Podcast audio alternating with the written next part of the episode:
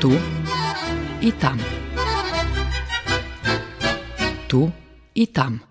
Emisija o Rusnacoh, ktori žeju vonka zo Srbiji, ih prešlim i buducim živoce, aktualnih zbuvanjoh i medzisobnih kontaktoh. Tu i tam. Dobri dzień, počitovani sluhače.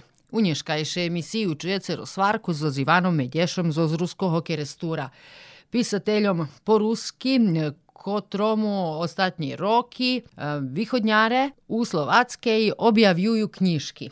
Prave vracel zos promociji u Prahi. No mam že boli u Prešove, o tim šitskim nam von i pripoveda. A to ti promociji še i slučuju jak pošli dok toho že Ivan Medješi dostal za svoj roman Jedzenje prestižnu literaturnu slovatsku nahradu Anasoft.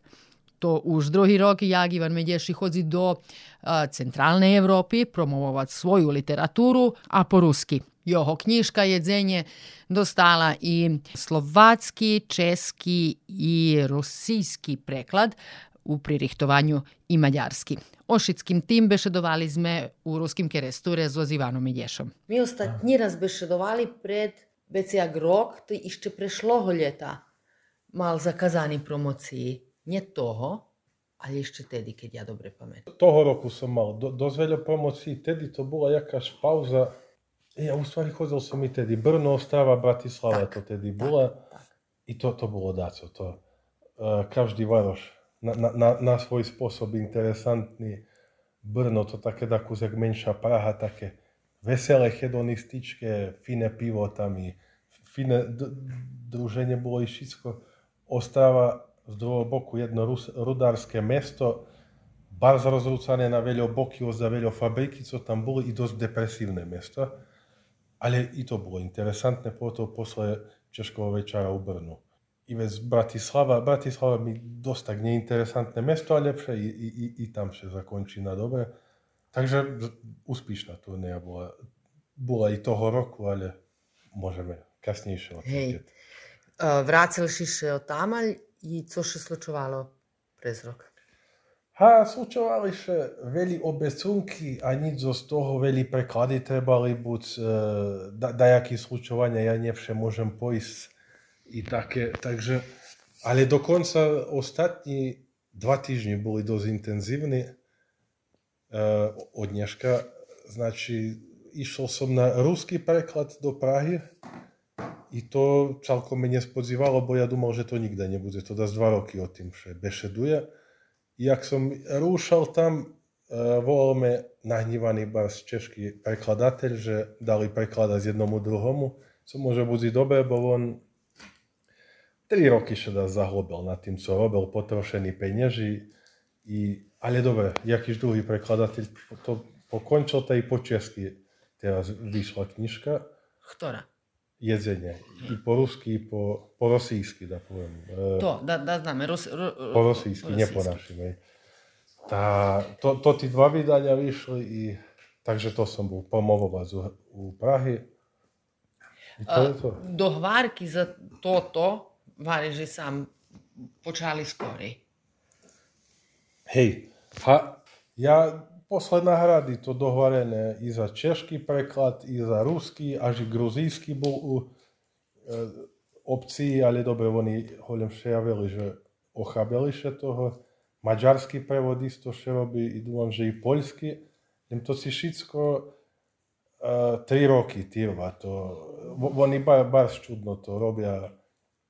Navoláš, da koho mail pošleš, tak si nevráci dva týždni i to to, to také trápne, že dúmaš, že si, že, že nie nič z toho. I teraz čo zda zakončilo, zda im museli dokončiť to český, ruský. I... Český som ešte aj nevidel, jak vypatra. Nemal som mu rukoch to, zda bude A rosijski? ro, rosijský objavil. Ja dúmam, že akýž tam menšinský dom, ne, nemôžem si, to si môžem Kde? ju, jutro prešli, u, u Prahy. Znači, nejaké ruské združenie zo z Prahy, tam jest wielu Rusów, potem teraz jeszcze bardzo wielu tam było. Jak po nich to doszło? A mój widowatel tu e, Maroš Volova hledal.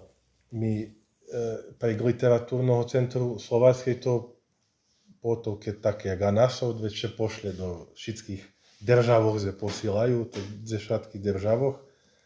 Takže tu ústvari vám to še poslalo, i, ale toho konkrétno Ruskova sme našli na jednom e, sajmu alternatívnych vydavačoch literatúry u Českej u Tabore. Sme toho našli konkrétne. A druhých sme našli toho literatúrneho centra. Jem to hovorím, ja to ta, tak pomaly, tak kilavo išlo, že ja objektívno bolo prilapiť, že nebude nič z toho i teraz mi to nespozývalo. Že... Ale ty tak chce môže nespozývať na rok vydanie po maďarsky, hej, keď hovoríš, že to všetko chce kudzeška. Ma- maďarsky Dúmam, že čo zbytno robí, čul som, že on fino naplasol to tú svoju robotu, takže ja dúmam, že budem musieť do konca to privesť. Také da 16 raz veci, co ja dobijem, na, na to bude po, porovnania, keď som dobre rozachoval, ale ta, takto ide. Pre, pre, prekladateľe veľ, veľa to zarobia na tým dačím. Takže, hej. Verím, čekám, že, že, že môžeme tak teraz i troje rozdumať, keď nie pravi podatky, ty jediný, co še preklada naš pisatelj u tej chvíľky. Auha, Prekládaš še daco na dajaký jazyk? Ja neznam, to je češko tvrdiť, ja, ja to neznam. No vám prekladajú tam dajakí pisatelje na ukrajinsky. Môže, bu- čujem na serbsky, dozu plánu še prekladať i také, ale neznam. toto, co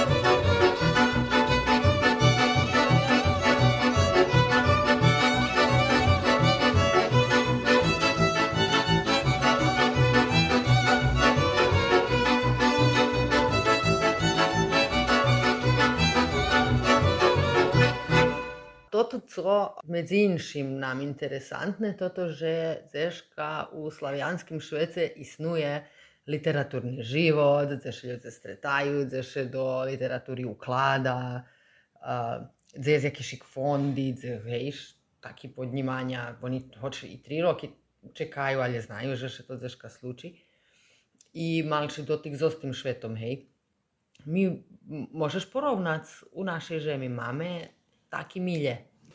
U, u slušnosti to som študiral o tým. Ja dúfam, že tu je. Len to uh, minie čas toho. To, sigur, to, to je u Slováckej. Je da skeľo tam grupy, oni še trimajú v jedno, je projekty, dobývajú še sredstva. Ja dúfam, že to i u Beogradze postoje takí grupy, co sú kolo ohňata, dostávajú oni masný tam cifry, možno i od európskych fondov, fondov dobiť Takže ja verím, že tam nejaký beogradský, môže byť novosadský kruhy. Majú také, ale my Rusnáci zažili nie u takých vodoch.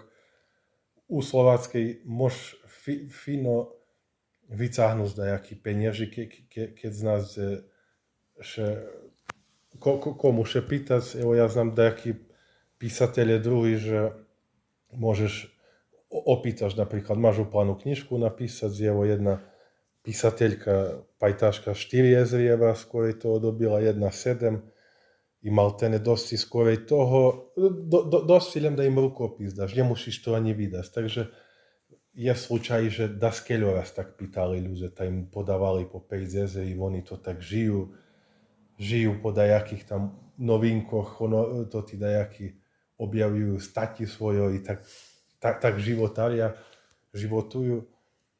Ale normálno ja nemám, jak, ja nie Slovak, že by mal prístup k ich fondoch, ja proboval isto normálno podstate, ja na som nahrady, či to by neznačilo dať sa, že by mohol dobiť, ale ne, ja, ja nemôžem to, takže ja musím byť osudzený na underground, bez mainstreamu.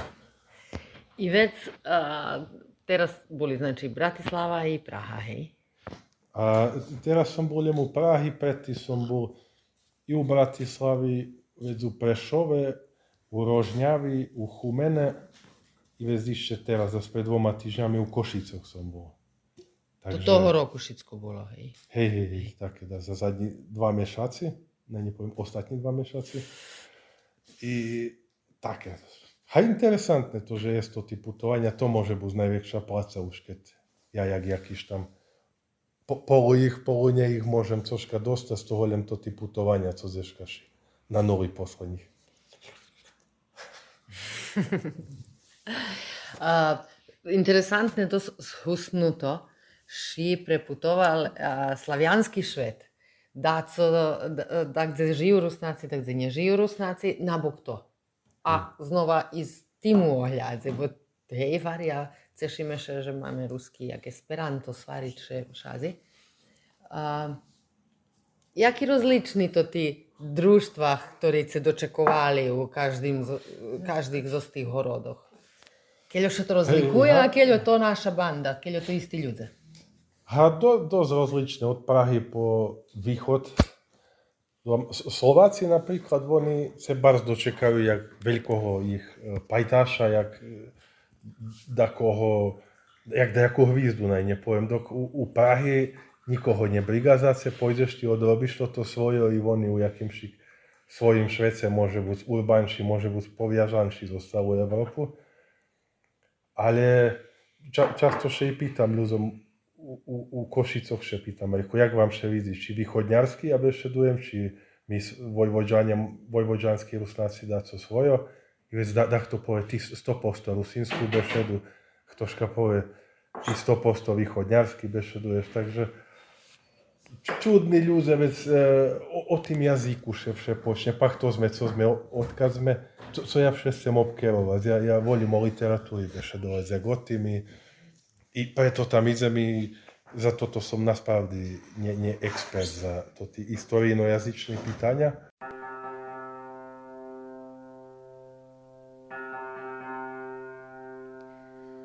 там доло на ріночку, стала сановіна,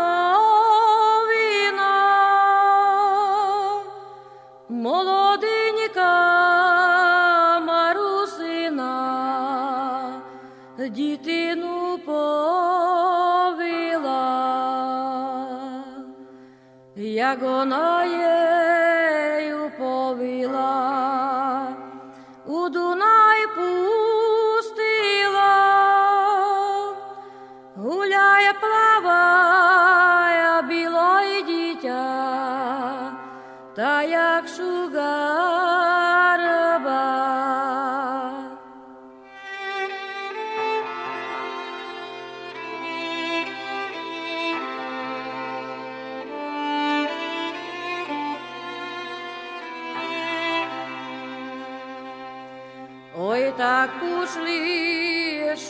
Шугарчики, рибочки ловити, не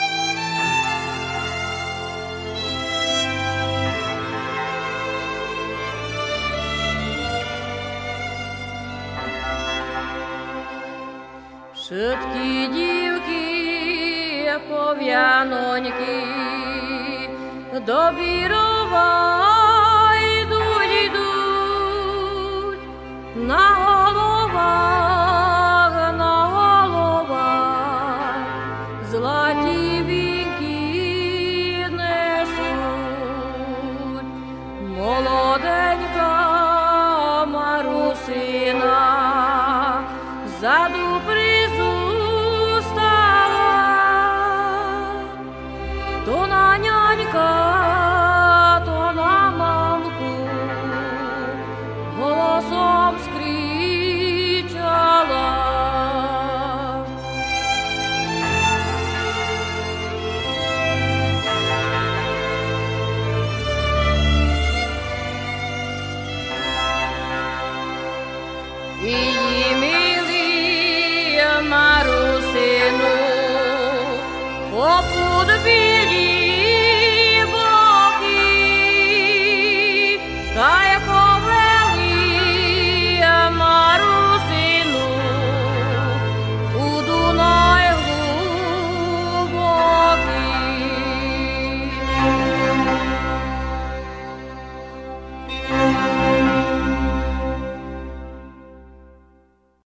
Гуляє, плаває Марусино, та як шугарба, не будеш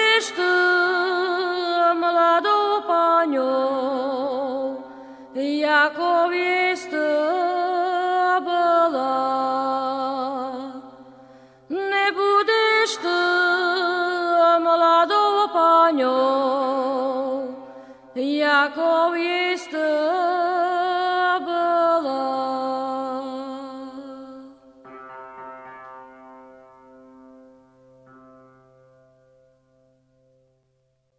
Ti moderno pišeš, ali je o tradiciji i domam, že treba, že človek, čitatelj, že bi pohopeli naprosto i tvoj izmisel za humor i o čem pišeš. Interesantno, že od zedze pojdeš šeš htoška, to ľubí rock and roll bandy zo Sietlu, kto ľubí Lolita, Velvet Underground i to nájdeš tých svojich ľudzoch i to všetkých 56% ľudzov, co príde na to, tú promociu. I napríklad u Prešove u Košicoch celkom môže ľahko pojsť písateľ otazy, otejma z promociu, čítať im, nikto nič nemusí prekladať. Ja však keď pôjdem, tá abo Maroša, abo teraz u Prešove mi to Petro Medveď bol eh, jak vodzol to večer i on trebal prekladať, ale nikda nebola potreba za tým. Do, do Českej, keď pôjdem, vec často treba. Da, da kedy celkom rozumia, da kedy nič nerozumia, ale do, do Bratislavy, Zeška, zdá s kým še môž bardzo dobre rozumieť, zdá kto to nerozumie nič. I, takže, ale u, u, u hlavným rozumie ľudia normálno. Je súčasných ľuďoch, co odrosli na South Parku, co čítali Barouza, co čítali Ginsberga, Irvina Velša i tu, Tuzeška še nachodzíme i také kompliment mi vše, keď dúfam, je, je z ľuďoch, co na, naspravді me čítali, co prídu še upoznať so mnou, ja vec prešedzím tam s nima celý večer. To tak vypatra vec, je zuriadová časť, hej, uh, i vec še to predlužujú zo besedu, hej, so čitateljami. E, ľudia ostávajú, ľubia besedovať zo literatúry, hej? Hej, teraz u, u Prešove bolo bars fino, mali sme posle ako tam rock and roll band, jakýž DJ, i také interesantné bolo. Knižky som... Ja, dosť úspešno pošla sama beseda, bo často še ne, neznamo pušiť, ale tu baš vypadlo tak, jak mal ten stand-up komédia dajaka, takže veď veľa ľudí prišlo, ej, dumal som, že nekúpim dneska nejakú knižku, ale musím kúpiť, bo mi še pačelo. I normálno ja tam bešedujem, bo to mi je cíl. Keď, keď to nerobíš, veď jak da nepostojíš, jak da šimertvi. Znači, može biti knjižka hoď jaka dobra, hoď co, keď ty ne istuješ u dajakim medijskim prostorom alebo promociji, keď nerobíš to nič nevredzi, ho, ho, hoď co daje. Takže, hej, posle toho šedzíme, popijeme sebe piva i takéto. Interesantné, veľých ľuďoch interesantných som upoznal. U Českej jeden mi bešedoval, že pravi, literatúrni večeri za Usita čítali mo, mo, moju prozu ovcom i baš ovcom pačelo i baš boli zadovoljni. I zamodljal me, či bi mohl napísať 42-3 roky dať so za ovci, takže som spával to o, o, o tým, jak sme šezeli raz na jedným salašu u jednoho pajtaša, ktorého u pripovedky navolám Heinrich i jak sme pili zo jeho ovcu Pamela. To, to. Buze. To, to, buze i dúfam, že to objavím na tým sajtu. Rustin Society. To, to tu čas Dobre, že si me zdohadnul, počal si písať i, i za to sajt. Uh, oni ostatní dva roky, hej, napravili jeden tým, ktorý píše za nich zo zrižných bokov sveta. Dosť to solidno. A to, uh, mne, keď me volali, interesa, interesantné mi bylo, bolo taký format, že objavíš to tako i vidiš vidi celý svet na tým internetu i to má potenciál, bo zdať sa bardzo dobre medzi tým. U, uvidíme, jak sa to bude rušať. Ale interesantno mi bolo toto, uh, interesantno mi bolo znova počas písať examak, co som da kedy písal i to da jaký skoro druhý žáner, jak pripovedku napísať, že tu prozu da kedy píšem. Ale u, uvidíme, jak to bude. Mám plán o nejakých ľuďoch písať ešte, u u ruskej kultúry, co, co mali šmelosti da, da co premeniť, naj to dakuše porušo, naj to bude 21. vík, naj to bude 20. vík, že teraz som u Borisovi Vargovi, planiramo Slavkovi Vinajovi, to definitívno ľudia, co malismjelosti, premenizda so Boris Varga veljo porobel z Ostimakom, veljo dobri knjiški, veljo inovativni stvari višli, co duhom že pogurali i drugih, že bi da su inovativne robeli. Uh, Vinko isto fenomenalnih stvari robi teraz s tima predstavami. Posle 15 rokov dumam, že pauzi vidal knjišku, to isto fenomenalne, znači, dumam, že vredzi o, o, o tým písať uvidím dajaký témy, keľo to bude inspirácii, neznám ani sám. Musím povedať, že dobre organizované placenie, nič bez dobrých honorároch, takže tu to tá motivácia, ale tak. A u centrálnej Európy, jaký nahadanie je zde, aký plány za teraz, či to teraz še ďalej čekajú preklady? Uh, uvidíme ďalej. S nejakýma druhýma ľuďmi, môže byť, da robím daco. Uh, za, za, za teraz bez nejakých plánov. Hlavnom na mne da napišem da co nové to i robim. A pišeš, hej?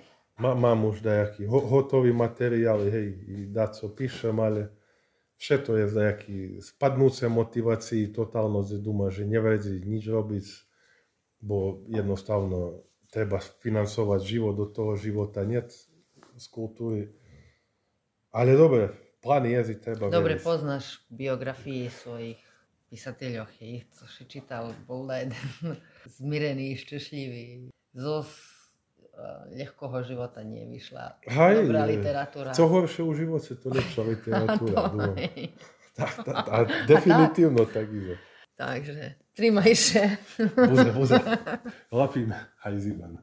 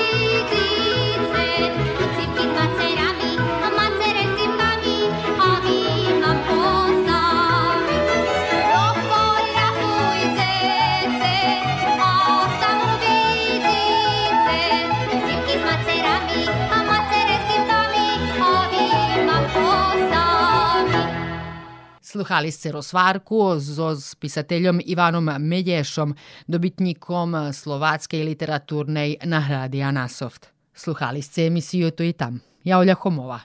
Do posluhanja. Tu i tam. Tu i tam. Emisija o Rusnacoh, ktorí žijú vonka zo Srbiji, ich prešlim i buducim živoce, aktualnih zbuvanjoh i međusobnih kontaktoh. Tu i tam.